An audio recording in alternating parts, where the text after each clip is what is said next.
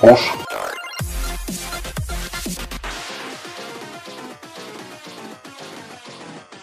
Halo, halo, dzień dobry, witam wszystkich bardzo serdecznie w kolejnym odcinku podcastu Push Start. E, Dzisiejszy odcinek jest specjalny i wyjątkowy, ponieważ mamy e, wyjątkowego gościa. Dzisiaj jest z nami Monika. Cześć, Monika z tej strony. Od 26 lat zapalony gracz i raczej konsolowy, częściej PlayStation 4, czasem Xbox, Xbox kiedyś Atari. Oraz standardowo Patryk. Tak, dinozaur BMW Z4, jak to mówią. E, Redaktor miasto gier.pl i współtwórca prześwietnego, przecudownego podcastu Push Start. Dzisiaj będziemy rozmawiali bez naszego stałego członka Legwana, który wprowadziłby nas tutaj w meandry tego odcinka, więc zastąpi go Waderio. Waderio, o czym dzisiaj będziemy dyskutować z naszą em, piękną płcią przeciwną, jako pierwszą pilotażową gościną w podcaście Start.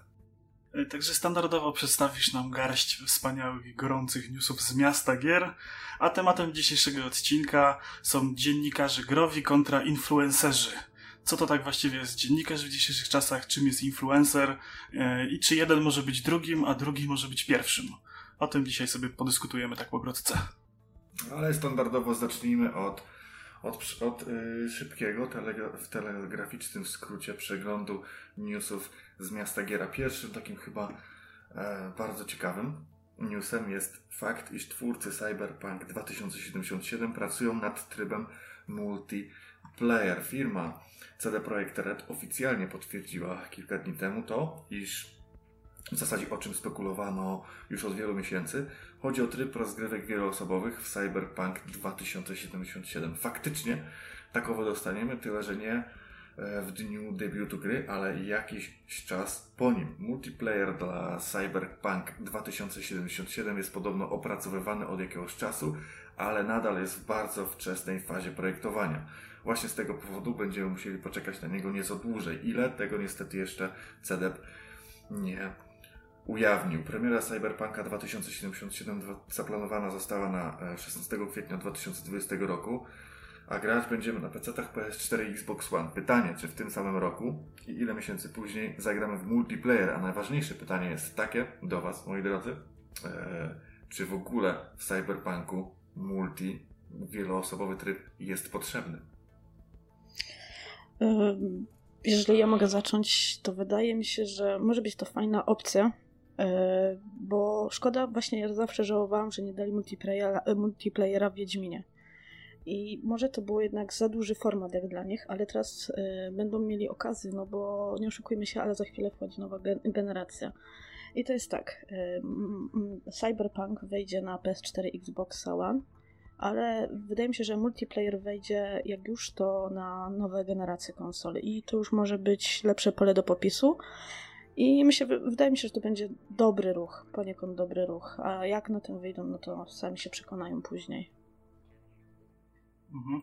E, Tutaj jak najbardziej się zgodzę, że wydaje mi się, że ten multiplayer wyjdzie na kolejną generację już. E, Pewnie na poprzednią też się pojawi jakaś tam opcja i ja osobiście chciałbym zobaczyć e, jakieś takie tryby proste na zasadzie, żeby tam gdzieś w mieście była jakaś może arena do postrzelania się, jakieś deathmatche, tego typu rzeczy. Jakiś taki pełen multiplayer czy tam koop e, nie pasowałby mi do tego, do takiego RPG, a jakieś takie fajnie za, zorganizowane właśnie czy to igrzyska, czy to może jakieś wyścigi właśnie, czy te areny to byłoby spoko. E, To bym chciał coś takiego zobaczyć, ale jeszcze tak dodam a propos do samego newsa, że to jest taka trochę nekromancja, bo e, teraz się mówi, że zapowiedzieli multiplayer, ale nie wiem, czy ktoś z Was pamięta, że w trakcie premier dodatków do Wiedźmina III, zaraz po tym jak e, powiedzieli, że e, będzie e, ten krew i wino dodatek, a już zaraz po tym jak wyszły, wyszły serce z kamienia, pojawiła się taka notka prasowa na stronie bodajże money.pl, że oni dostali w ogóle granta. Dostali granta na zrobienie z Unii Europejskiej oczywiście, na zrobienie dodatku do, do Wiedźmina III, właśnie w postaci krew i wino, oraz na tryb multiplayer e, w dużym, zurbanizowanym mieście, tak ten grant się jakoś nazywał mniej więcej, i wszyscy zakładali, że właśnie to chodzi o cyberpunka. Także taka, taka właśnie dygresja z mojej strony, że coś takiego kiedyś było. Znaczy, masz rację, tutaj mogło być tak. Y, ja kiedyś coś o tym słyszałam, właśnie jak wychodziły dodatki do Wiedźmina. Tylko sobie tak myślę, no, y, jakby mieli dodać, to by dodali już wcześniej, a nie po jakimś czasie. No, no znaczy stawiam tak jakieś 2-3 miesiące, tak jak robi to Rockstar. Ale tutaj właśnie może być tak, że raczej na pewno wyjdzie, jeżeli będzie multiplayer, to będzie na nowe generacje, ewentualnie jeżeli ma być na te stare, to będzie w okrojnej wersji, tak jak y, GTA 5 dostało. Na początku było na Xboxach 360 i PS3, a później wiecie jak się rozrosło na nowych generacjach, a na starych już w zasadzie się tam nic nie dzieje. Nic, żadnych tych update'ów, ani nic. Kompletnie. Super. E, zatem zobaczymy, co z tego wyjdzie. Kolejnym newsem, jaki przygotowałem dla Was, jest fakt, że Valve nie komentuje ekskluzywności gier dla Epic Store, aby chronić branżę. O co chodzi? E, już wyjaśniam. Valve od jakiegoś czasu nie komentuje ekskluzywności gier dla sklepu Epic Games.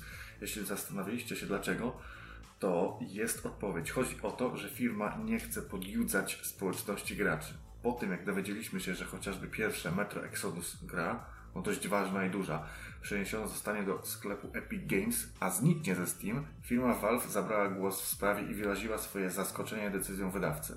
Stanowiło to swoisty punkt zapalny, który doprowadził do prześladowań deweloperów studia 4A Games. Valve nie chce powtórki tych wydarzeń.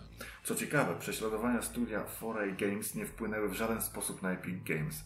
Właściciele sklepu nadal podpisują umowę na ekskluzywność, a wśród projektów, które takowe posiadają są m.in. trzecie Borderlandsy czy nawet trzecie Shenmue. Więc warto pamiętać, że większość tytułów posiada tylko i wyłącznie czasową ekskluzywność. Wcześniej czy później trafią do Steam. Moje pytanie do Was, czy w ogóle warto jest podpalać temat tego, że coś trafia na Epic Games Store, a nie na resztę tych, że platform, czy po prostu brać to z dużym dystansem, bo cóż, taki mamy klimat. Monika? Yy, wiesz co? Yy, myślę, że raczej nie brać na razie tego pod uwagę. Nie zastanawiać się nawet nad tym, bo wiem, jak to jest z ekskluzywnością gier. I yy, szczególnie na Microsoft, Microsoft pokazał, jak to się robi. Czyli tak, bierzesz chwilową ekskluzywność, miesiąc, dwa, a później wszystko trafia i tak na wszystkie platformy. Także dla mnie to jest na razie temat otwarty i wydaje mi się, że nie ma co brać tego do siebie na ten moment. Wiesz co, ja zasadniczo to tak, jestem ogólnie przeciwnikiem jakiejkolwiek ekskluzywności i uważam, że e, fajniej dla nas graczy i prościej dla, dla tych takich naprawdę hardkorowców byłoby, gdyby te wszystkie gry wychodziły niezależnie od platform czy, e, czy, czy aplikacji, tak, bo e, fajnie by było jakby mógł mieć mocnego PC-ta i ogrywać gry z PlayStation, tak, wszystkie ekskluzywy czy z Xboxa, no z Xboxa teraz już można, ale Nintendo jeszcze jest. No w przypadku Epic Game Store to ja tutaj rozumiem część e, płaczu społeczności, że tam nie ma forów, nie ma wsparcia, nie ma warsztatu, e, tych wszystkich profili użytkowników i tak dalej, że tam jest tylko czat i sklep z tą grą. No ale czy to w przypadku takich tytułów jak Metro czy Borderlands ma jakiekolwiek znaczenie? Ta gra i tak nie będzie miała wsparcia modów i tak tam nic ciekawego e, społeczność nie będzie e, wypisywała na tych forach, e, bo w przypadku takich tytułów jak na przykład City Skylines, gdzie jest masa tych modów, tych propów, jakichś rozwiązań moderskich od graczy, no to tam ta społeczność jak najbardziej jest rozwinięta i oni sobie siedzą na tym kliencie Valve i rozmawiają ze sobą i jest wszystko super. No, ale czy to jest komukolwiek tak naprawdę potrzebne? No Jezu, jedna, jedna ikona więcej. No ja jestem tego zdania, że mi to nie robi różnicy. Fakt, że zbierają informacje o, o mnie, o sprzęcie, o mojej aktywności. No ale no, no, no, żyjemy w takich czasach, że ciężko się na to nie zgodzić. To, że sobie ogrywam teraz Borderlandsa trójkę i, i mam tego Epic Store'a, no to jakoś mi to bardzo nie boli. Cóż, ja jestem akurat też z tego zdania, pozwolę sobie właśnie o tym powiedzieć, że faktycznie ja mi się nieraz oberwało na Twitterze za to zdaniem, że jedna, że inna e, ikona mi różnicy by nie robiła, bo może ja mam też inne podejście do gier i wydaje mi się, że faktycznie aż tak bardzo się tym przejmować nie można. No chyba, że Half-Life wyszedłby naprawdę ek ekskluzywnie tylko na Steama, a, a nie na inną platformę w ogóle. Czy jakaś inna wielka marka, pokroju Diablo, nie wiem, naprawdę, coś konkretnego musiałoby być tylko i wyłącznie na jednej lub drugiej platformie, żeby można było. No, no to a propos Diablo, no to Diablo masz ekskluzywnie przecież na tym Battle.necie, tak? Na kliencie Blizzarda. Więc to też jest kolejna aplikacja. GOG też ma jakieś swoje ekskluzywy, starsze gierki, wszystkie są tylko na GOGu, tak? Więc ja nie wiem o co ten szum tak naprawdę jest. No. A kolejnym, e, kolejną wiadomością dzisiaj jest fakt, iż BioWare pracuje nad Dragon Age 4 i innymi projektami, ale rozwija też Anthem. Anthem, pamiętacie? tak, który wszedł teraz do EA Access. Chyba tydzień temu. Wydane w lutym bieżącego roku Anthem rokowało na ciekawą grę i mało miało wiele elementów, które wypadały naprawdę dobrze. Niestety przez garść niesprawdzonych rozwiązań i brak pomysłu na rozwój tej gry, tytuł obecnie powoli umiera, a serwery pustoszeją. Fakt, tak jak mówi Monika, zostaje gdzieś tam udostępniany, ale nie jest, nie okazał się być jakąś wielką superprodukcją. Mimo tego BioWare nie powiedziało ostatniego słowa w kwestii tej gry. Gra jakiś czas temu dostała opóźnioną aktualizację Kataklizm, która wniosła do zabawy sporo nowej zawartości. Studio cieszy się, że update przypadło do gustu graczom, przynajmniej tak wynika z opinii, które otrzymano. Jednocześnie przedstawiciele BioWare zaznaczają, że nad grą wciąż pracują aż dwa duże zespoły w Austin i Edmonton. Ekipy te szykują kolejną zawartość dla gry, a także mają duże plany na jej dalszy rozwój. Studio zaznacza jednak, że wprowadzenie tych nowości zajmie trochę czasu, więc musimy uzbroić się w cierpliwość. Co ciekawe, w dalszej części opublikowanej notki przedstawiciele BioWare podkreślają, że pracują obecnie nad kilkoma wielkimi projektami. Jak to jednak bywa, nie mogą nam póki co zdradzić szczegółów. Wiemy za to, że jednym z tych projektów jest najpewniej, najprawdopodobniej czwarte Dragon Age, znane pod nazwą roboczą Dread Wolf. Obecnie prace znajdują się w fazie preprodukcji, co oznacza, że na kolejną smoczą przygodę jeszcze długo poczekamy. Prawdopodobnie do premiery nowych konsol. Moim zdaniem Dragon Age to ostatnia dobra gra tego studia. Ja bardzo chciałbym zobaczyć czwartą odsłonę, bo w jedynkę i w trójkę zagrywałem się nimi osiednie, a w jedynkę to naprawdę to były długie godziny i uważam, że to fajna historia i jedno z ciekawszych RPG ostatnich lat, takich nowych marek. Czy chcielibyście zagrać w czwórkę? Mm, ja nie, bo nie gram w tego typu gier. Valerio? No widzisz, ja mam takie obawy, że to będzie kolejny gniot od BioWare'a, jaki ostatnio mamy przyjemność właśnie grać. I... A w Antema gracie? W ogóle interesujecie się jeszcze tym Antemem? Wiesz co, no ja w ogóle, w ogóle tak mnie ten Anten od, oprzedł tak totalnie. Gdzieś tam byłem zajarany, ale już te trailery na E3 rok przed premierą jakieś takie były mocno naciągane i tak zwlekałem z zakupem i w sumie cieszę się, że nie kupiłem i no i tak w ogóle nie, nie jakoś niekoniecznie mnie to jara. Tam chyba to była beta, z tego co pamiętam, przed y, tym wyjściem Anthem w ogóle na rynek. Zagrałam 20 minut i stwierdziłam, że tak średnio, nie, że mi się nie chce. W zasadzie myślałam, żeby sobie ściągnąć teraz VA Access i może jak znajdzie mi ochota, to sprawdzę tak, wiecie, dogłębnie, czy, czy jednak można w to grać, czy jednak faktycznie 20 minut było full i nie ma sensu nawet ruszać tego dalej. No to jest dla mnie strasznie przykre, że, że studio, które naprawdę wydało świetne gry i świetne serie i robiły świetne RPG w ogóle. Przecież ten Dragon Age początek, nawet dwójka, to były naprawdę fajne gry e, i Mass Effecty to już w ogóle nie wspomnę. I jakoś tak, no kurczę, no, są strasznie zaorani. Nie wiem, czy to jest ich wina sama i czy oni tam w tym studiu tak po prostu już nie potrafią, wypalili się, czy po prostu ich jej tak gniecie, że nie potrafią nic ze sobą zrobić. Ja no. myślę, że akurat to drugie, a druga sprawa, że może po prostu nie mają pomysłu na siebie i tam wiele osób z tej firmy odeszło i tak mi się wydaje, że ten core starego BioWare, które robiło te gry dekady temu, no to już stamtąd zniknęło, a ci nowi, no może nie za bardzo ogarniają, a Anthem... Anthem zaorać, jest... w takim razie zaorać cały zespół, postawić na ludzi, którym się chce to robić, a nie robią to, bo muszą nakarmić rodzinę i niech zrobią to fajne gry i to się, marka się odbuduje, tak? Gracze może na początku pierwszy tytuł niekoniecznie kupią, ale jak zobaczą, że dobra gra, no to zaufanie się odbuduje i studio wstanie, tak? Otóż to. Po to ciągnąć coś, co nie ma sensu.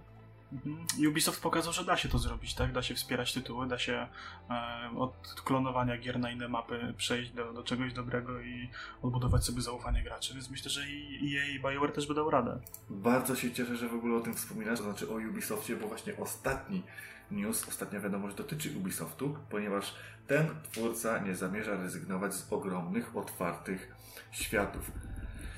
Pierwsze odsłony Assassin's Creed z reguły oferowały świetne, zreali świetnie zrealizowane światy, które ciężko było uznać za małe. Jednocześnie były na tyle zwarte i sprawnie przemyślane, że z pewnością nikt nie czuł się zamknięty w pustce. Wystarczy przypomnieć chocia sobie chociażby Paryż z Assassin's Creed Unity. Wirtualna odsłona francuskiej stolicy do dziś pozostaje jednym z najbardziej imponujących projektów, jaki zrealizowano na potrzeby gier wideo. Prawdopodobnie nieprędko zobaczymy podobny projekt, przynajmniej nie z ramienia Ubisoftu. Potwierdził to Yves Gilmont, CEO e, Ubisoftu, prezes, z którym rozmawiała redakcja Games Industry, prezesa francuskiego koncernu, zapytano o to, czy w przyszłości otrzymamy projekty z bardziej zwartym światem w stylu Unity i ten stanowczo zaprzeczył. Uważa on i podkreśla też, że stworzenie tak zwartego świata, gdzie trzeba poświęcić więcej uwagi detalom, jest po prostu droższe. Nie przekłada się jednak na większą sprzedaż gry. Mało tego, prezes Ubisoftu zaznacza, że gry w stylu Origins czy Odyssey przyciągnęły do zabawy znacznie więcej graczy, a to sprawia, że, że stworzenie znacznie większego, ale dużo mniej bogatego świata z licznymi elementami typu kopiuj w klej opłaca się robić po prostu bardziej, jest to łatwiejsze i bardziej dochodowe.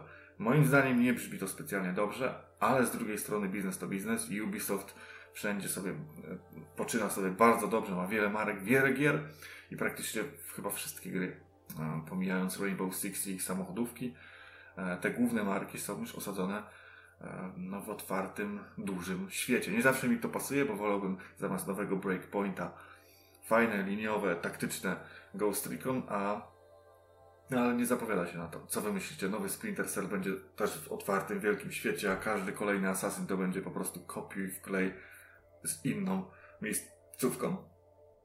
Jeżeli mogę zacząć, to wraca, wracając do Unity, yy, grałam w tą grę i faktycznie yy, mapa była przeogromna, robiło to wrażenie, ale to nie było tak do końca spoko bo tu tak się przeszłeś przez uliczki, było ok, tu ładnie coś wyglądało, a za chwilę wchodziłeś w tłum ludzi, gdzie tam się chwalili, że chyba 10 tysięcy ludzi w jednym miejscu jest. Wchodzisz w tych ludzi i za chwilę tak, tutaj twarzy nie widać, tutaj niemiłosierne lagi, tu się, tu się coś nie wczytuje. Dla mnie to była taka katorga, że po połowie stwierdziłam, że nie, że przestaję w to grać, bo mi się nie chciało. Później tam wróciłam, dokończyłam ale dla mnie, jeżeli mają robić otwarty świat i ma być to taki mega, mega przepych, żeby pokazać, że się da, że można, no to niech sobie odpuszczą, bo po co robić coś na siłę, co naprawdę nie ma sensu. Niech się wezmą właśnie za takie, niech będzie otwarty świat, ale to nie jest jednak Rockstar, że mają chyba mają więcej kasy na to, mają więcej doświadczonych ludzi, którzy potrafią zrobić wielką mapę, Y, wielki świat, a tutaj Unity to niby otwarte, ale takie zamknięte to wszystko było w takim pudełeczku. I jeżeli coś takiego mają robić, to niech sobie odpuszczą i robią liniowe coś, po prostu liniowa gra i tyle. Ale jakże pięknym pudełeczku, ja pamiętam, Unity to była jedna z moich pierwszych gier e, na PS4. Moja też. Takich, z którymi dłużej dłużej, dłuż, dłu, dłu, dłużej posiedziałem i pamiętam, że ten Paryż naprawdę piękny był. Ja się wspinałem na te budynki tylko po to, żeby odkrywać te Vista Points, tak? Tylko po to, żeby sobie popatrzeć. To był generator tapet moim zdaniem i ten Paryż był z góry cudowny. Ale tak jak mówisz, że jak się schodziło na sam dół, jak się biegało po uliczkach i się wchodziło w takie jakieś małe pomieszczenia, to to było strasznie, to było strasznie zabugowane. Dużo błędów. Wadera dalej jest, dużego ja gram teraz, także dalej jest. No to nie tyle lat nic nie zmienili. Znaczy, no, coś, coś, tam, coś, tam, coś tam podobno poprawili, ale dalej dzieją się jakieś takie w ogóle dziwne rzeczy, że ja idę sobie w tłumie ludzi i nagle tak tłum wariuje. No. fryzuje, fryzuje się, nagle wszyscy się rozbiegają, a ja wiesz, nic nie zrobiłem, nie tylko pada, stoję po prostu, nie? A oni wiesz, nagle wszyscy w panice, jakby się coś złego stało, nie? Także ma, tam są cały czas jakieś takie dziwne jazdy. E, no wracając do tematu Ubisoftu, no to powiem szczerze tak, no to jest koncert, który robi pieniądze, robi fajne gry i jest tam jakaś wartość dodana w niektórych tych grach. Rozwijają Rainbow Siege'a, e, będzie ten Ghost Recon, tak? E, cały czas coś tam się dzieje, cały czas jakieś gry wychodzą. Jest Watch Dogs, który jest dość ambitnym projektem. Jak się uda, to, to za to trzymam kciuki, będzie fajna gra. Tylko to jest takie trochę pytanie się e, ich o te gry z otwartym światem, jak pytanie się dzika czy sra w lesie. No to jest oczywiste, no to się sprzedaje, ludzie to lubią, no to no, kurczę, no to dlaczego ale nie tego nie robić? Zrobić ale nie każde studio to potrafi. markę tymi... Tak, zrobili sobie jakąś markę tymi otwartymi światami i po prostu generują kolejne jakieś realia, tak samo czy Far Cry, czy właśnie e, i obstawiam, że na przykład teraz ten, jeżeli faktycznie powstaje ten, e, ten, ten Clancy Splinter Cell, to ja myślę, że to będzie gra taka w klimacie tego Hitmana najnowszego, że to też będą jakieś takie otwarte, duże mapy i pełna dowolność, bo ludzie to lubią, ludzie lubią wybór i dla nich to nie istotne, czy tam jest e, dużo fabuły, e, czy tam jest dużo zadań głównych, czy jest liniowa opowieść i tak dalej. Gracze kupią grę, w której będą jak najwięcej czasu mogli spędzić biegając, zwiedzając, a to, to się liczy w tym momencie, żeby się sprzedało. A to, czy komuś się to spodoba i spędzi 10 godzin, czy ktoś spędzi 300, to już nikogo to nie interesuje. Kajs jest w kieszeni i to jest tyle w temacie. No. zgadzam się. Zgadzam. Cóż, zatem temat newsów mamy zamknięty. I bo e, e, wyrobiliśmy się w czasie, możemy sobie swobodnie przejść do tematu głównego, który jest tak obszerny, że ja nie wiem, czy w ogóle go wyczerpiemy, ale przynajmniej trochę go liźniemy, a liz, lizać zacznie Waderio i to on go przedstawi pod, pod nieobecność Legwana. Zapraszam. Tak, e, no to mamy temat odcinka, czyli dziennikarze kontra influencerzy i może zacznę od przytoczenia, e, czym ów te dwie właściwie profesje w tym momencie e, się charakteryzują i czym się wyróżniają. Mamy influencera, który jest osobą tak naprawdę prywatną, działającą w świecie mediów społecznościowych.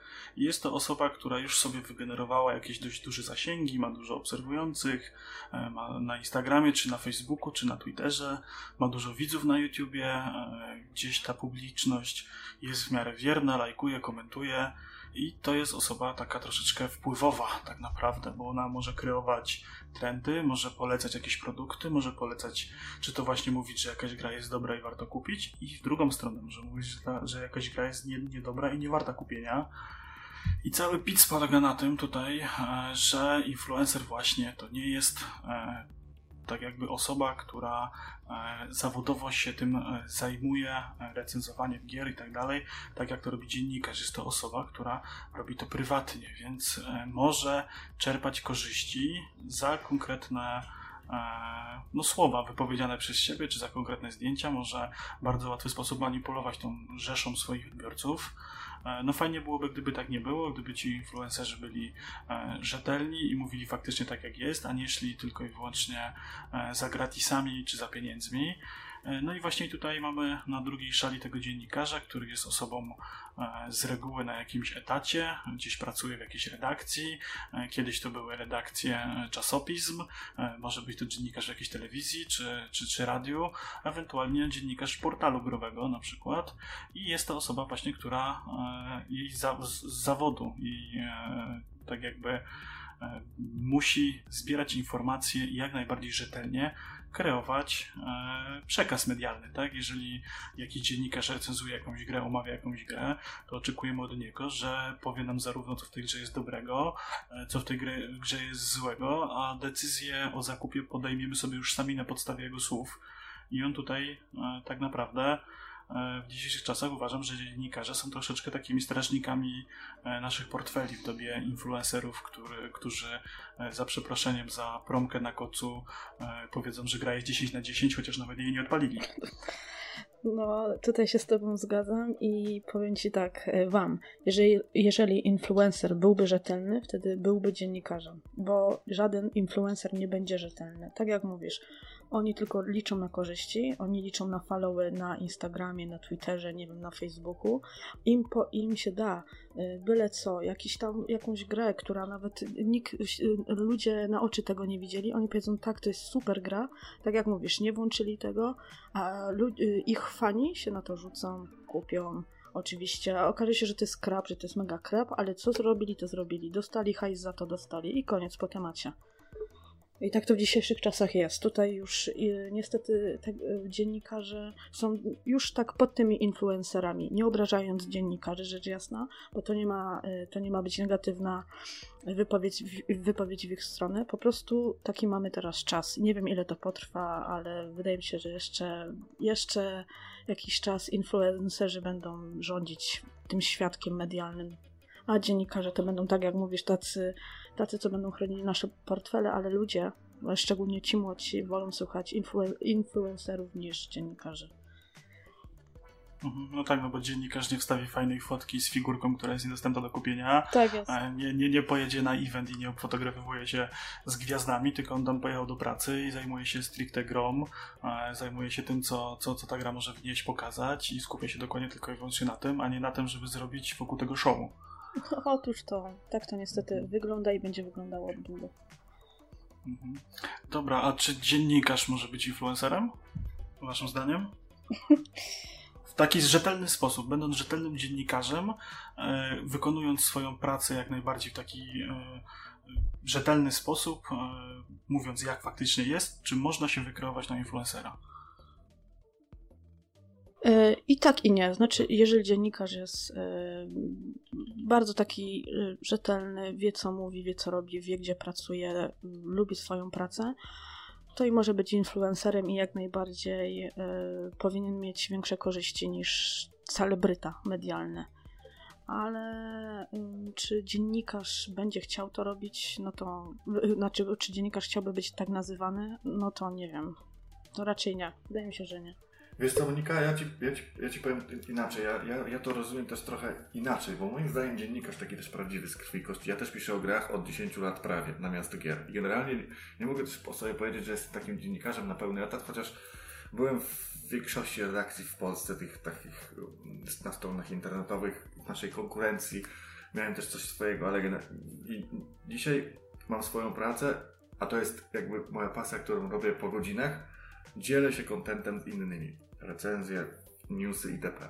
Ale jeżeli chodzi o influencera i dziennikarza, to faktycznie w moim przekonaniu czasami dziennikarz może być, a nawet jest influencerem, bo niektórzy autorzy w, polskiej branży, autorzy tekstów na przykład do PS6 Extreme czy CD Action, czy niektórzy autorzy tekstów, dziennikarze na gry online przynajmniej, albo u nas, mogą być influencerami, ale w tym takim sensie, że są dla mnie autorytetami przez pryzmat tego, co przez te wszystkie lata napisali. Znaczy, jest wiele osób, których opinie o wiele bardziej będę brał sobie do serca niż opinie tych takich typowych influencerów ze zdjęć i z Instagrama, bo na przykład jeżeli HIV napisze jakąś recenzję w PSX Extreme, to ja wiem, że ten gościu te wyścigi ograł, że on wie o co chodzi i że pisze o nich od 20 lat. Jeżeli Butcher z PSX Extreme coś napisze, jakąś grę przetestuje, to on jest dla mnie może nie tyle influencerem, co jest dla mnie autorytetem i jego słowo ma o wiele e, większy ciężar niż zdanie typowego influencera, który tak jak mówisz dostał promkę i zrobił zdjęcie tej promki na, na pościeli. Ci ludzie, ci dziennikarze tacy koso, mazi, head z, z gry online, tak? To są dziennikarze no, naj, najcięższej wagi i ich słowo dla mnie ma największe znaczenie i, i jeżeli oni wypowiadają się, ja czytam PS6 Extreme, to nie jest reklama. Ja po prostu mówię, że czytam tę gazetę od kilkunastu lat, wręcz od dwudziestu. Jestem tak zżyty z tą ekipą, tak ich kojarzę i rozumiem ich gusty, że niektórzy autorzy, którzy tam pisą, piszą, Zax przynajmniej jak opisuje gry RPG, no to wiem, że ten facet jest autorytetem i w jakiś sposób wpływa na moją opinię o tej grze i bierze odpowiedzialność za swoje słowa, a tym samym za mój portfel. I, w, i tym samym, no faktycznie, jakoś na mnie wpływa, tak? E, że albo coś kupię, albo czegoś nie kupię. I ci, ci dziennikarze tacy prawdziwi, korowi, oni zawsze będą mieli większe znaczenie. Oczywiście nie będą mieli większego zasięgu, bo dzisiaj jest trochę inaczej. Kiedyś, kilkanaście, dwadzieścia lat temu, były magazyny growe. Jak, jak szedłem do, do kiosku e, z mieszkiem pierwszym w ręku, papierowym, z dziesięcioma złotymi, to mogłem sobie kupić gazetę. Wtedy gazet było mnóstwo, w ogóle wszyscy. I wtedy wydawało się, że gazety, że papier, że to jest świętość, tak? Że tam jest prawdziwa wiedza. I później pojawił się trochę internet. I ci, którzy pisali w tych gazetach, i te, to było w takiej kontrze. Pojawili się youtuberzy, to wszyscy się śmieli, że youtuberzy, co to w ogóle za mm, let's playerzy, daj spokój, co oni wiedzą o grach. Wygłupiają się, robią jakieś prankowe, głupie filmiki. Prawda jest w gazecie, tak? Ale kiedy ci youtuberzy, moim zdaniem dzisiaj, Remigiusz Maciaszek, to stali się tak bardzo merytoryczni, że już też moim zdaniem są bardziej autorytetami niż influencerami. Oczywiście ten absolutny top topki, tak? Nie chcę tu mówić z nazwisk, którzy mi się podobają, których cenię mniej, których bardziej, ale no na przykład na, na, na, na przykładzie Roka. Uważam, że to jest faktycznie merytoryczny gościu, który faktycznie przekazuje mi jakąś wiedzę. Mówi w taki sposób, jaki ja bym chciał słyszeć profesjonalnie. Tak na przykład za granicą jest kanał PlayStation Access. Oczywiście to jest marketingowy kanał, ale oni też mówią w taki sposób, że są w jakiś sposób bardziej autorytetami niż influencerami. I dzisiaj pojawia, pojawili się ci, którzy na Instagramie mówią o sobie właśnie, że są influencerami. I dzisiaj oni są w kontrze do zarówno prasy papierowej, która jest marginalna, i youtuberów oraz nas, czyli ludzi, którzy piszą na, do internetu, na stronach internetowych. Są pozrzeszani w tych redakcjach. I ci influencerzy oczywiście mają dzisiaj ogromne zasięgi. Ogromne. Bo wystarczy wykreować, wokół się, wykreować z siebie jakiegoś bohatera, żeby mieć na Instagramie większy zasięg niż my mamy na, na mieście gier. Chociaż to akurat nie jest możliwe. Ale tak się często dzieje. I, że, I dzisiaj ci młodzi ludzie bardziej koncentrują się na tych, na przekazie mikrobloga, jakim jest czyjś Instagram, niż na przykład moją recenzją WRC 8, którą ostatnio opublikowałem. Ciekaw jestem, jak, jaki był, to trzeba byłoby zbadać, jakie jest odstępstwo od tego, ilu ludzi zasugeruje się jakimś influencerem, który pokaże zdjęcie gry WRC 8, a ilu ludzi niestety zainteresowałoby e, się tą grą poprzez właśnie takie tradycyjne informacje, e, jak, jak właśnie recenzje, te czytane recenzje, bo wydaje mi się, że wciąż dużo osób to robi, ale chyba starszych. Młodsi zaczynają trochę od tych, tych bohaterów, swoich bohaterów, e, czyli influencerów, którzy są moim zdaniem absolutnie niemerytoryczni i nie, po prostu niewiarygodni, tak? I, I tyle. No to Patryk właśnie, dobrze powiedziałeś o roku, w sensie o Remigiuszu, bo kiedyś, tak, on ile już ma kanał na YouTubie, 10 lat, e, ten gościu, i tam chyba był Rojo też później, oni, oni byli youtuberami. Oni e, mówili o grach, pokazywali gry, oni byli mega merytoryczni. I teraz tak, i to się z biegiem czasu zmieniało. Byli na topce, jest ok, jest ok, i za chwilę przychodzi nowa moda, tak jak mówicie, influencerzy, czyli dla mnie dzisiejsi youtuberzy, czyli przykład, przykładów może być mnóstwo i jest to na przykład, nie wiem, taki Jacob, który nagrywa tylko Fortnite'a, bo Fortnite mu za to pewnie e- Epic Games y, daje mu pewnie za to jakieś profity, bo nieraz tam było, że mm, dostali telefon Samsunga jakiegoś tam nowego, jakieś te kasę za jakieś mistrzostwa, cokolwiek i on będzie tylko jedną grę promował i będzie ją pokazywał, dopóki się ludziom to nie znudzi. I to, jest, I to jest właśnie to, że on ci nie powie tak jak y, ta gra jest taka, taka, siaka i owaka, więc bardzo zła nie grajcie, tylko on będzie mówił w jak najlepszych superlatywach y, o, o tej produkcji, a kiedyś, tak jak było z 8-6 lat temu, y, to, to było całkiem inaczej. Był sobie ten rok, był sobie Rojo, oni grali, oni mówili, to mi się podoba, to mi się nie podoba, pokazywali te gry, ich się miło słuchało, a teraz tak naprawdę jest tylko darcie że tak japy, brzydko powiem, dokładnie, gęby. Darcie japy, no, darcie gęby, i, tak. ty, i tyle. To, I na, na ten moment dla mnie y, oglądam sobie czasem tam jakichś youtuberów, ale tylko żeby zobaczyć, co się dzieje.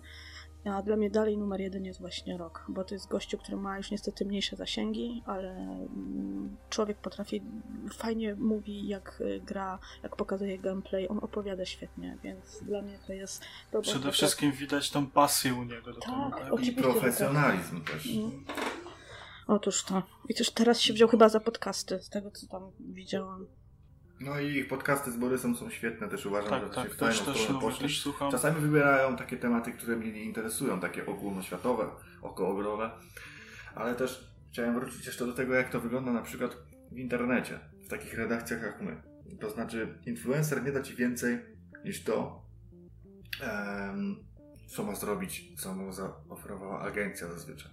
To znaczy on ma podprowadzić Słuchaj, nawet mu agencja czasami nie musi nic proponować, bo e, było niejednokrotnie e, głośno o przypadkach, że e, ludzie sami z siebie promowali jakąś markę, żeby ktoś ich z PR-u zauważył, jakiś marketingowiec ich zauważył i przysłał promkę i wszystko było w porządku, dopóki ten trend był kontynuowany, a nie daj Boże był jakiś negatywny przekaz w stronę firmy bądź produktu i automatycznie kontakt się urywał i już e, źródełko z promkami wysychało. Dokładnie, słuchaj, ja jeszcze mam tu taki przykład właśnie jakby, jakby bardzo niedawny. Niedawno była premiera Ace Combat i oczywiście u nas w redakcji to ja nikogo tam nie, niczego tam wielkiego nie zdradzę, ale zazwyczaj naczelny jest przyzwyczajony i on wie, kto w co gra, co lubi grać, na czym się zna, co recenzuje od wielu, wielu lat. I jak przychodzi Resident Evil, no to oczywiście Patryk Jankowski. Jak przychodzi nowe Final Fantasy, to oczywiście Patryk Jankowski. Pamiętam dokładnie, jak bardzo mocno czekałem na premierę Final Fantasy XV. I z punktu widzenia dziennikarza albo autora, nie śmiem się nazywać dziennikarzem na pełny etat, autora, pasjonata gamingu, który o, o nich opowiada, ja mogę dać komuś coś więcej z tej takiej wewnętrznej pasji. Co to znaczy coś więcej? Nie tylko słucham recenzji i zdjęcie na Instagramie, czy zdjęcie na Instagramie i zasięg taki chwilowy. Ja mogę dać coś więcej. Mogę napisać na przykład artykuł o przeglądzie serii, artykuł playtest, zapowiedź. Mogę zrobić artykuł już popremierowy, po recenzji, czyli stworzyć trochę więcej kontentu wokół jednej gry. Tak jak wychodziło Ace Combat nowe. To nie dość, że dostałem grę do recenzji, rzetelnie do niej poszedłem, napis, spisałem swoje wrażenia, to jeszcze przed tym, zanim ona wyszła, zaproponowałem sam z siebie, że w sumie przychodzi fajna gra, której dawno u nas nie było, z nami nie było, seria powraca, więc warto zrobić przegląd tej serii i wyrzucić to ad hoc, za darmo. Nikt mnie do tego nie zmuszał. Sam w sobotę przysiadłem i sobie to napisałem, bo wydawało mi się, że warto czasami jest o tym o tych niektórych grach powiedzieć więcej, bo tą pasję, kiedy mówisz więcej, od razu widać. Moim zdaniem u tych influencerów, którzy mają tam dzies- dziesiątki tysięcy zasięgów, tego nie widać. Oni ci tego nie dadzą. To znaczy nie przysiądą, nie napiszą, nie spiszą. Oczywiście nie wszyscy, ja nie generalizuję. Bo pewnie jest wielu influencerów, którzy faktycznie robią coś z siebie i od siebie.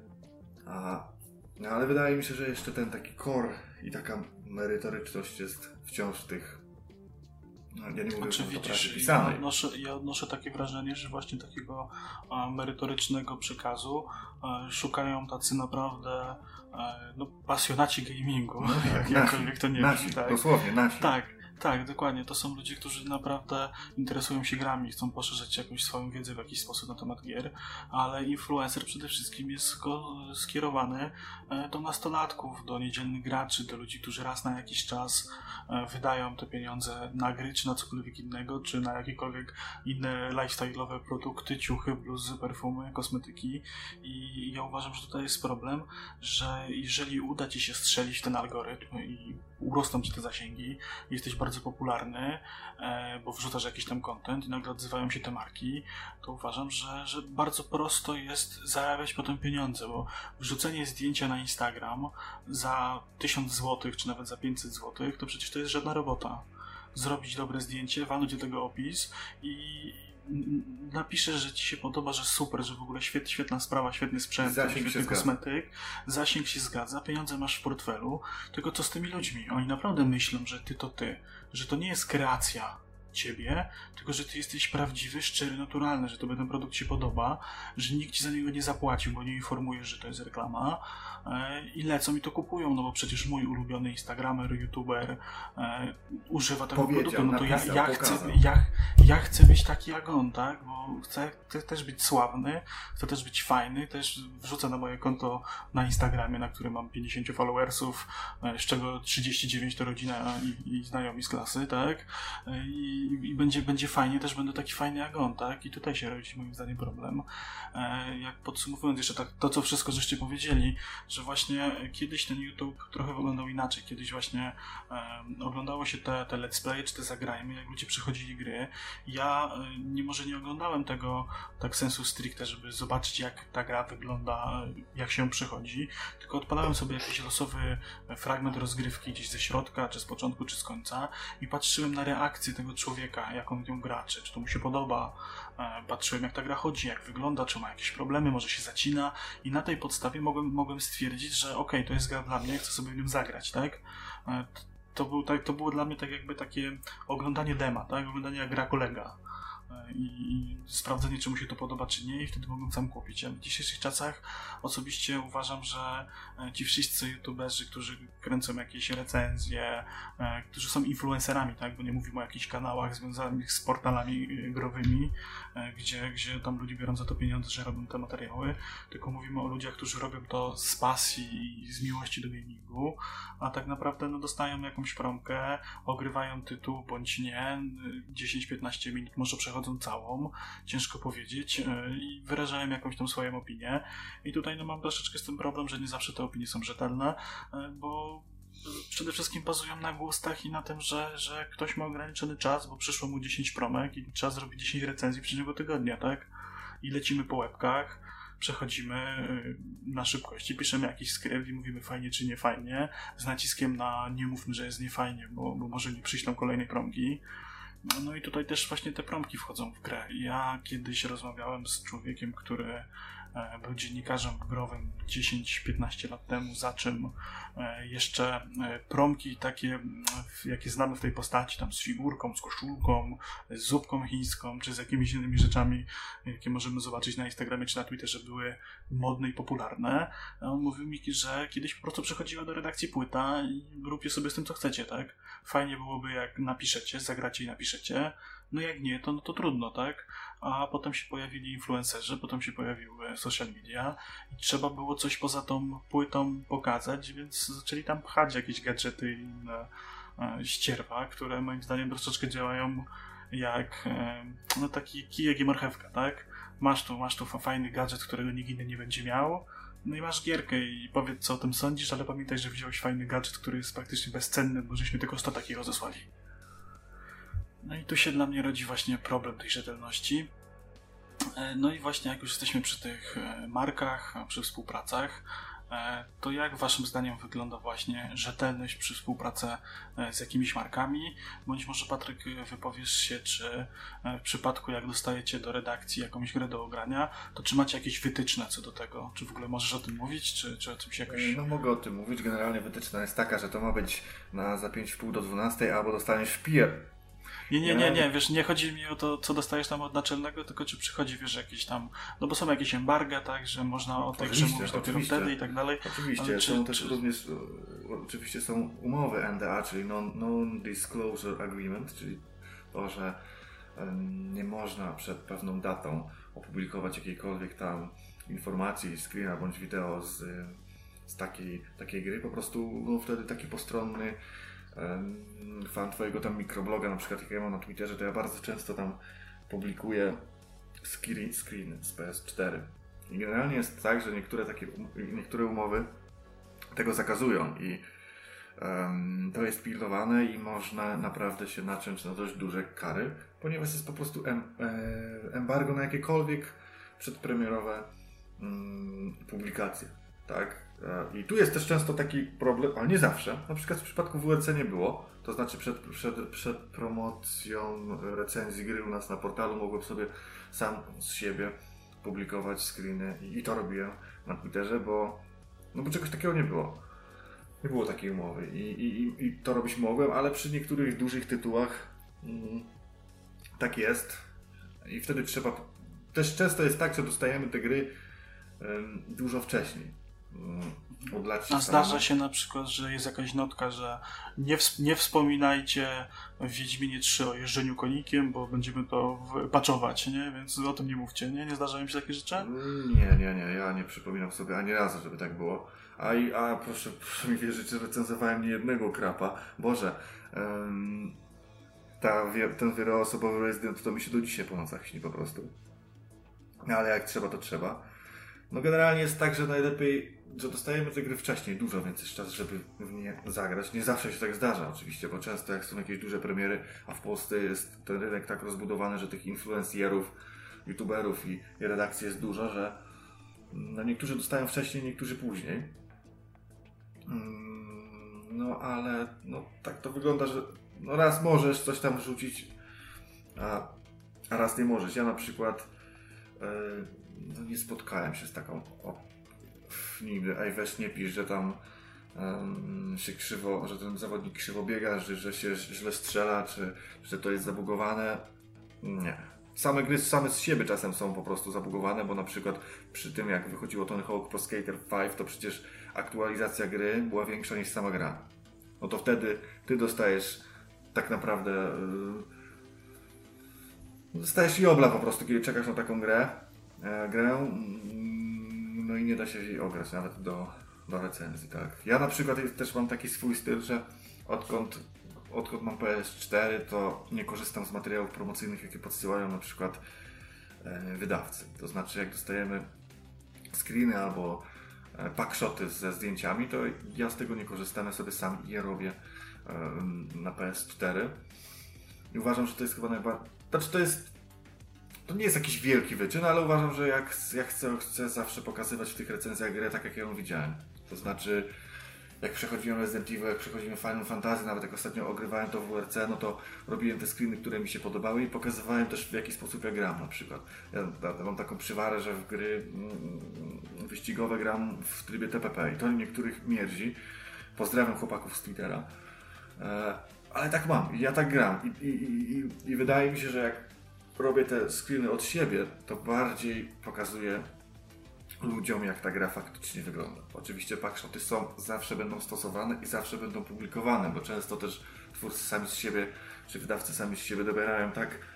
Mm, jest, są, są, oczywiście są piękne tapety, piękne rzeczy, których możesz, z których możesz sobie tam e, skorzystać, no ale ja lubię robić na przykład na przykład swoje. Pamiętam, e, tu mogę jeszcze dodać, jak po premierze Metal Gear Solid 5 The Phantom Pain, wydaje mi się, że to w polskim internecie jest jedyna. No nie no, Gol na pewno, gry online na pewno mają. To robiłem Wikipedię wraz z solucją i z sekretami do Metal Gear Solid 5 The Phantom Pain i robiłem to sam. Robiłem każdego screena, każdą misję, e, każdą skrytkę. Sam to wszystko robiłem. Miałem setki screenów. Sam to opisywałem. To było kilkadziesiąt stron. Sam to zrobiłem, jako dodatek do recenzji gry. I to jest to, czego nie da Ci influencer. A dlaczego? Na przykład, przykładowo, wspomnę jeszcze na przykład o Wikipedii razem z solucją do gry Wiedźmin 3. Jeden z najlepiej klikających się materiałów po dziś dzień u nas. Influencer Ci tego nie da. A gościu, czytaj redaktor naczelny, przysiadł, rozgryzł tę grę i opublikował to. To jest dodatek do recenzji. To jest coś, do czego czytelnik będzie wracał raz za razem. A wrzucone zdjęcie na Instagramie przepada po kilku dniach, kiedy on wrzuca ich więcej. To jest właśnie to, co dajesz więcej od siebie komuś i wrzucasz to w internet. Tak, no to właśnie, to wróćmy do tego pytania, które zadałem. Jak się ma współpraca z markami, a rzetelność w takim wykonaniu? Bo e, z jednej strony mamy ludzi, którzy oznaczają, że coś jest postem sponsorowanym, mówią, że coś jest postem sponsorowanym, z drugiej strony ktoś e, tego nie mówi. Na jednej szali mamy ludzi, którzy twierdzą, że materiał jest sponsorowany, ale e, treści w nim zawarte są prywatną opinią e, redaktora, influencera itd. Tak a z drugiej strony mamy ludzi, którzy zachwalają wszystko, co, co im wpadnie w łapy za pieniądze. I jak to się w ogóle tutaj wyważa? Od czego, to, od, od czego to zależy, że jeden koleś jest w stanie powiedzieć, że dostał za to pieniądze i, i, że mówi to, co myśli o tej grze i faktycznie mówi to, co myśli, wytyka błędy, a z drugiej strony jest koleś, który nie mówi, że to jest reklama, wszyscy widzą, że to jest reklama i zachwala to tu w niebo, pod, pod niebiosa. To ja jeszcze tutaj, zanim nasza piękna Monika zacznie, to wtrącę, tylko tyle, że moim zdaniem, jeżeli ktoś to przyznaje i jest to widoczne na przykład na stronie internetowej, gdzieś jest taki odnotacja, że to jest sponsorowany tekst lub tekst robiony we współpracy z tym i z tym wydawcą. Jeżeli ktoś o tym pisze, to jest absolutnie uczciwy i też jakby czytelnik inaczej do tego podchodzi. To jest uczciwe i nie ma w tym nic złego, bo jeżeli na przykład ktoś, tak jak u nas, wysyłać nas do Paryża na przykład, do, na, do, tak, do Paryża na prezentację dodatku do Final Fantasy XIV, no to dlaczego mam o tym nie napisać? Ale to jest co innego troszeczkę. Y, Bo wiesz, bo przyjdzie jakaś marka i da temu celebrycie internetowemu, który ma milionowe zasięgi, da produkt i powie tak, weź e, zareklamuj to w taki i taki sposób. Tak jak mówicie, tu wystarczy jedno zdjęcie, nie wiem, 15 minut y, na Instagramie czy tam YouTubie, krótki, krótki filmik, jak sobie gra, jak cokolwiek tam robi i jest, są pieniądze i marka ma z tego pieniądze, bo nastolatki tak stawiam, że większość to są po prostu y, ludzie w wieku, nie wiem, od 8 do 16 lat i kupią to, bo, bo ich idol z YouTube'a, z Instagrama to ma, y, w to gra, to robi i kupią. A dziennikarz growy, Czy ro- rodzice kupią. rodzice, Rodzice. dobrze, rodzice, dziennikarz, albo ich karty kredytowe. No, no, czyli dalej rodzice. No, dziennikarz, dziennikarz growy za to będzie to robił tak, jak on te, to chce. On powie to, co mu, to, co widzi. On nie będzie ściemniał. Powie tak, słuchajcie, no ta gra jest spoko, można zagrać, i, i, ale no dobra, tyle, nie? On powie, jeżeli jest prawdziwy dziennikarz, robi y, pracę i kocha tą pracę, on powie tak, ta gra jest taka i taka, ale minusy są takie i takie, chyba, że ta gra jest idealna, nie ma żadnych minusów. No to wiecie, pójdzie tekst. Jest tak. taka gra, jest to Resident Evil 2 Remake. Nie. nie. Ale tobie nikt za to jeszcze nie zapłacił, tak wstrzymaj. Nikt mi za to nie zapłacił. No ale Jeszcze. tak kończąc, to no jeszcze, to, to moje, y, te moje wywody, to stwierdzam, że jeżeli mar, marka, na której, y, która nie musi błagać o jakieś tam, wiecie, o, o żeby ktoś, y, in- influencer, żeby sprzedawał grę, bo będzie miał wtedy więcej, y, znaczy nie grę, tylko produkt, będzie miał wtedy więcej, ta marka będzie miała więcej przychodu, y, no to no to już wtedy kiepsko o tej marce świadczy. Wiadomo, znaczy nie, nie, nie, nie I wszystkie o marce, marki- i o tym człowieku. No, bo ale tak, to jest tak, że teraz y, są ci youtuberzy, którzy mają milionowe zasięgi i niekoniecznie grają w gry, tylko robią jakieś głupie pranki, nie wiadomo co. I oni są zapraszani do reklamy Fanty, do reklamy Playa w sieci komórkowej y, i to się sprzedaje, tak? A mimo wszystko robią taki content na tym YouTubie, że tego się oglądać nie chce. Taka jest prawda. A oni są zaprasa- zapraszani przez marki, które jednak coś znaczą w świecie. No tak to wygląda teraz i pewnie tak będzie wyglądało.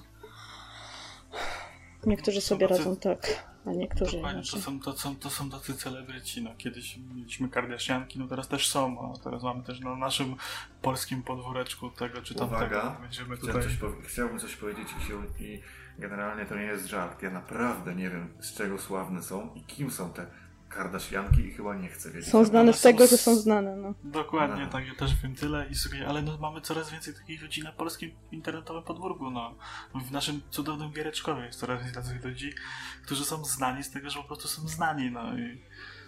No i co, co, co, coś można zrobić, Ale no. widzieliście, jakie teraz y, milionowe na przykład odsłony filmików są pod tytułem Robię pranka na moim chłopaku albo moja dziewczyna reaguje na kolor moich włosów i takie coś ma po 2 miliony wyświetleń. Dla mnie to jest Ja- trochę śmieszne, no ale To jest no, tragedia. znaleźli to jest sposób tragedia, na siebie. Kiedy, tak, znaleźli sposób na siebie, a często też niektórzy youtuberzy, którzy zaczynali na początku od gier, dzisiaj z grami mają niewiele wspólnego.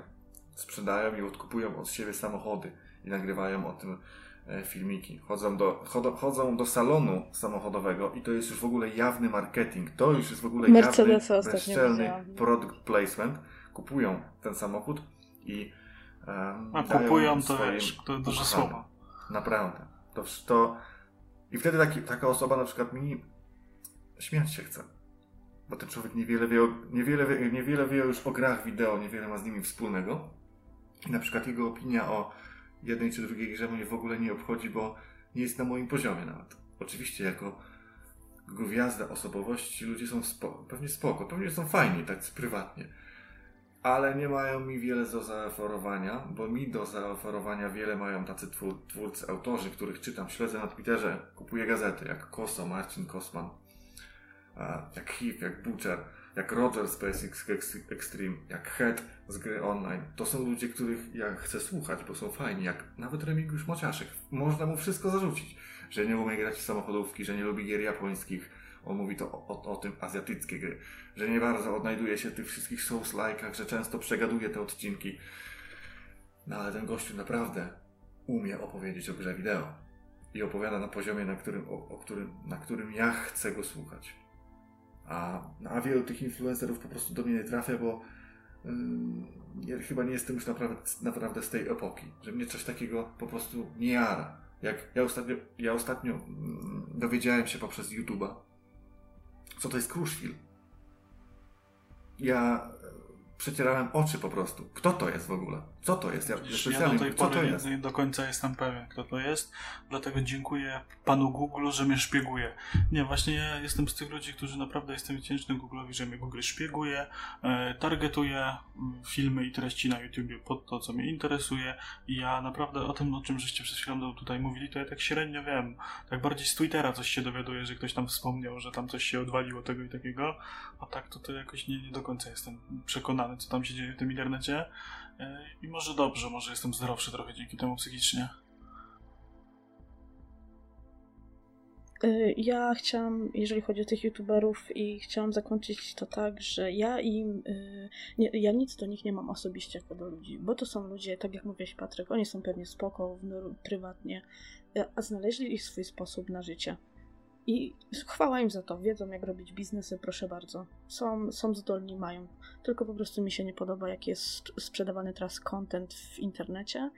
Wiecie, YouTube, Twitche, Twittery, sprzedawanie marek, szczególnie teraz, no, mówimy o grach, szczególnie growych, to mi się mega nie podoba. Do ludzi osobiście nic nie mam, ale to, jak się teraz to wszystko sprzedaje, to jest dla mnie mega słabe. Ale, no, takie, takie wiecie, taki mamy świat teraz. Taki mamy świat. I tyle ode mnie na ten Niestety. temat. Ale na koniec, na koniec zakończę tak, iż to jest tak głęboki temat, że ja tutaj o, o, o tych jakichś takich backstage'owych rzeczach to mógłbym tutaj opowiadać i opowiadać i opowiadać. A o stawkach w ogóle w polskim internecie e, to, to, to mógłbym naprawdę książkę napisać. Ja przeżyłem wszystko, wszędzie byłem, wszystko widziałem, wszystkiego doświadczyłem. I dzisiaj, kiedy coś piszę na Twitterze, to jest mój mikroblog, to, to czasem odpowiedzi innych osób śmieszą mnie po prostu. Bawią mnie, bo, bo ja, to, ja tam wszędzie byłem. Ja, to, Widzisz, ja wiem, jak to, to wszystko to działa. Ja, jak czytam właśnie, co się czasami dzieje pod tymi twoimi wpisami, czy pod moimi, to ewidentnie po prostu widać, że to są ludzie, którzy... No ja, słuchaj, ja nic do tego nie mam, że ktoś pracuje, że to jest czyjś sposób na życie, że tak utrzymuje rodzinę, że e, no jest świetnym biznesmenem, wpadł na świetny pomysł, jak się sprzedać, jak wykreować swój wizerunek. I to, co właśnie powiedziała Monika, ja też do tych ludzi nic nie mam. Ja mam tylko problem problem z tym, w jaki sposób marki wykorzystują tych influencerów do wciskania ludziom trochę ciemnoty. Bo nie, dla mnie powinno być jasno zakomunikowane, że coś jest lokowaniem produktu, że coś jest reklamą. To powinno być transparentne i od początku do końca powiedziane od A do Z, że słuchajcie, taka i taka marka przyszła, zapłacili mi za to, czy dali mi to za to i za to, nie konkretnie ile, tak? Tylko po prostu mam z nimi współpracę. Są moimi partnerami w tym momencie i ten odcinek powstał dzięki nim i to jest odcinek dla nich i dlatego on tak wygląda. A nie ściemniajmy, że no, przyszła do mnie paczuszka, świetna giereczka, 10 na 10, jeszcze nie odpaliłem, ale idźcie kupujcie, tak? To mnie denerwuje. To jest I dlatego ja wszystkim... mam, jeżeli mogę jeszcze na koniec, ja mam na to receptę. To znaczy, bo ludzie mogą lubić takie materiały ale receptą na to jest trzymanie się tego takiego hardkorowego, korowego, fajnego, merytorycznego dziennikarstwa. Mamy dwa, trzy magazyny o grach? Mamy.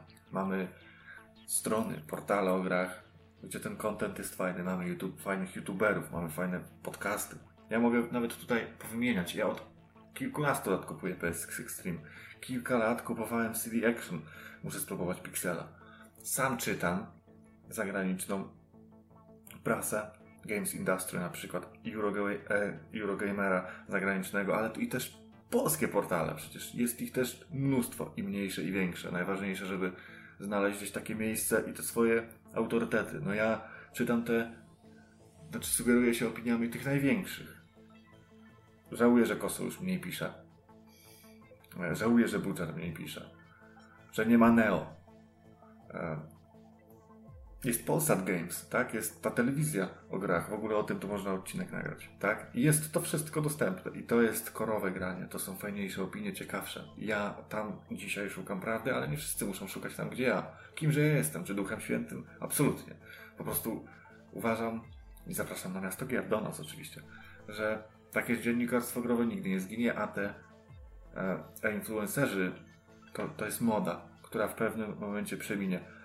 E, od wynalezienia internetu mówi się o tym, że padnie prasa papierowa. Oczywiście te statystyki pewnie lecą, ale ta prasa dalej jest. Ja dalej czytam PSX Extrema i czytam go od 20 lat i wierzę, że jeszcze 20 lat go będę czytał. I że 20 lat będę czytał wypociny HIFA, Rogera, Oby, trzy, Zaksa. trzymamy No, kciuki. boję się, że Tak, może ja być trzymam inaczej. kciuki ale- jak najbardziej.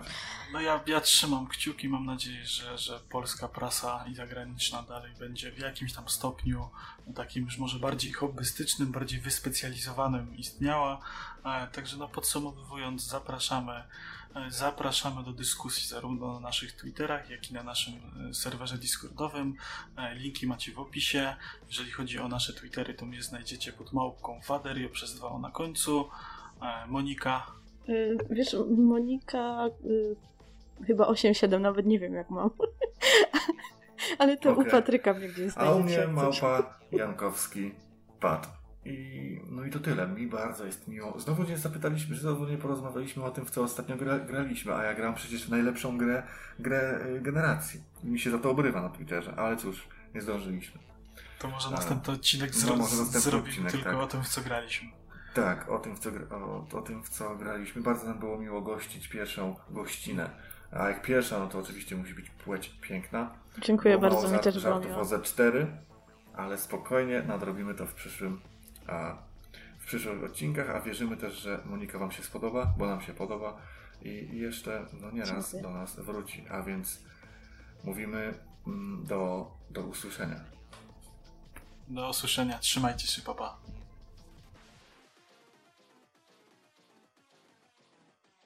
Game